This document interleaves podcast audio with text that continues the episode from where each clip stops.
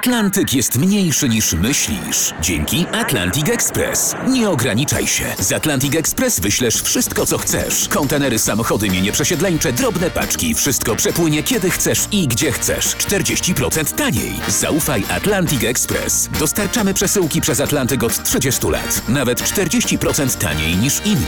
Dzwoń 1 800 775 73 63. Ekspresowo przez Atlantyk. Tylko z Atlantic Express.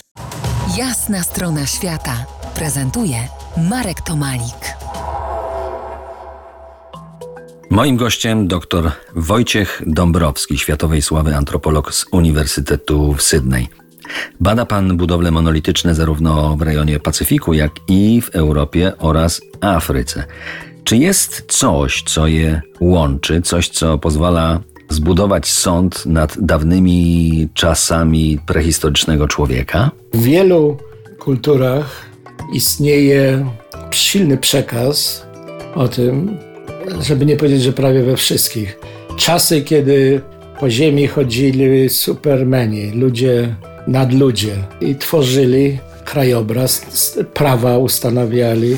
Skąd to się bierze, jak się ludzie nastawiają? No to jest to fascynująca rzecz, nie do końca wyobrażalna. Dlaczego w pewnym okresie czasu, między 2000 przed naszą erą do 5-6 tysięcy, czyli to spory okres czasu, ale we wszystkich miejscach świata megalityczne budowle występują. Teraz się zbierały duże grupy ludzi, które nagle łączyły w swojej świadomości świadomość partykularyzmu kulturowo-społecznego, bo klan to było około 200-300 ludzi, ale jak się razem zebrały, to kilka tysięcy i nagle uczucie, że trzeba dać jakiś wyraz tej jedności i wtedy dochodziło do wspólnej pracy nad konstrukcją tych miejsc kultowych, które powodowały ogromną ilość wysiłku i inicjatywy.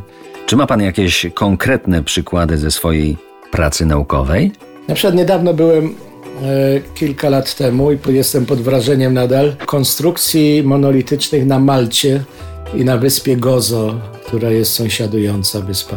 I normalnie jest, było, znaczy w większości przypadków to tak jak nam się, jak wykazały badania, to głazy były transportowane z kamieniołomów na miejsce przy użyciu ściętych e, drzew, pni drzew. Ale na Malcie nie ma drzew. I co oni zrobili? W związku z czym to zrobili tak, że kule kamienne o idealnych kształtach wy, wyrzeźbili i na płaskowyżu prowadzącym od kamieniołomów do miejsca gdzie została ulokowana świątynia, poprowadzili tory, jakby kolejowe, tylko ze wklęśnięciami, a nie wypukłościami, czyli ale równoległe tory, po których szły e, kule, a na kulach na tym były nakładane bloki. Bardzo ciekawe jest rozwiązywanie takich rebusów historycznych. Wydaje mi się, a nawet jestem przekonany, że taka praca, praca Antropologa bardzo rozwija wyobraźnię, uczy pokory w obserwacji i to nie tylko chyba tych dużych kamieni w terenie.